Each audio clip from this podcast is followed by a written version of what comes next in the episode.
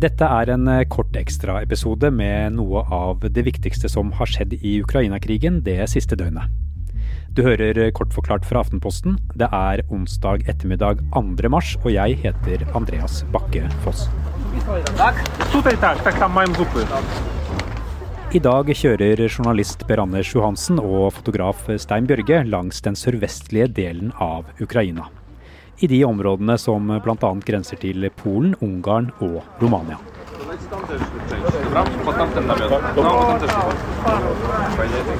Det er hit ukrainere som flykter fra krigen lenger nord i landet, kommer. Og det kommer mange. Mer enn 830 000 mennesker har så langt flyktet fra Ukraina, ifølge FN. Over halvparten har reist til Polen.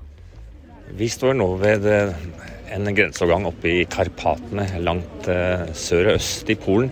Dette er en av de tøffeste og vanskeligste grenseovergangene fordi at det er snø, det er iskaldt om natten. og over grensen her kommer det nå først og fremst eh, kvinner og barn.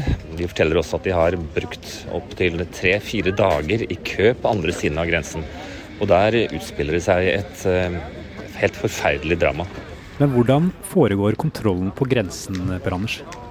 Altså det som skjer på den andre siden av eh, grensestasjonen her, er jo at for det første så skal man plukke ut eh, menn, for menn har ikke lov til å forlate Ukraina.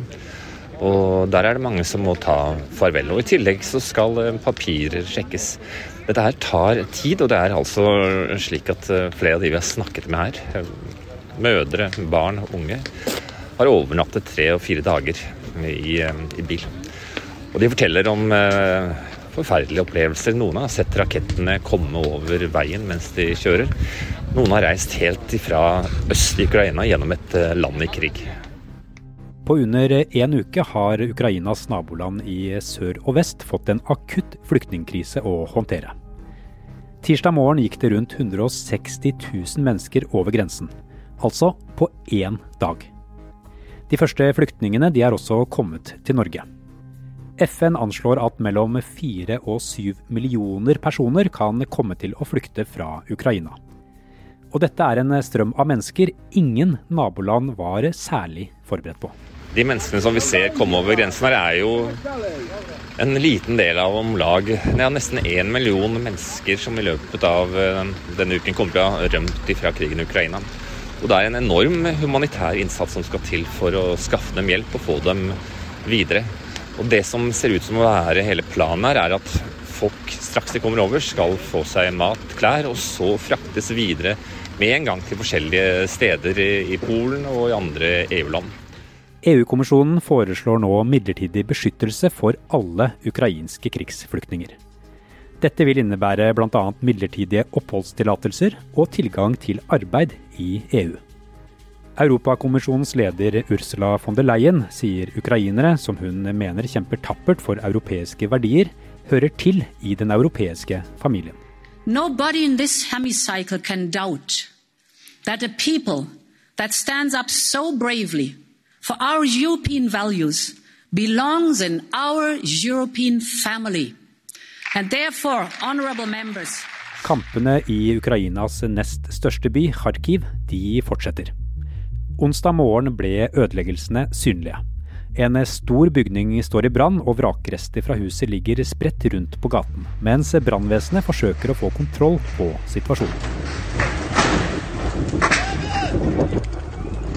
Det ukrainske militæret hevder at russiske fallskjermjegere har angrepet et sykehus i den samme byen. Minst 21 personer er drept under angrepene i byen det siste døgnet, ifølge lokale myndigheter. Samtidig har flere ukrainske byer vært rammet av luftangrep i løpet av natten. I Mariupol er over 100 sivile såret, ifølge ordføreren.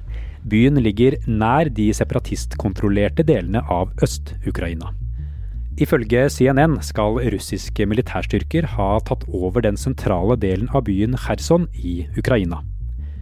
Onsdag sa en talsmann for det russiske forsvaret at de har kontroll over byen.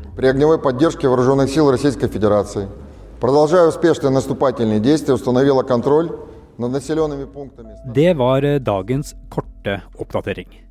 På aftenposten.no får du analysene, kommentarene og alt du trenger å vite om det som skjer i Ukraina nå. I tillegg kommer det flere vanlige forklarte episoder om Ukraina-invasjonen fremover. I denne episoden har du hørt lyd fra nyhetsbyrået AP.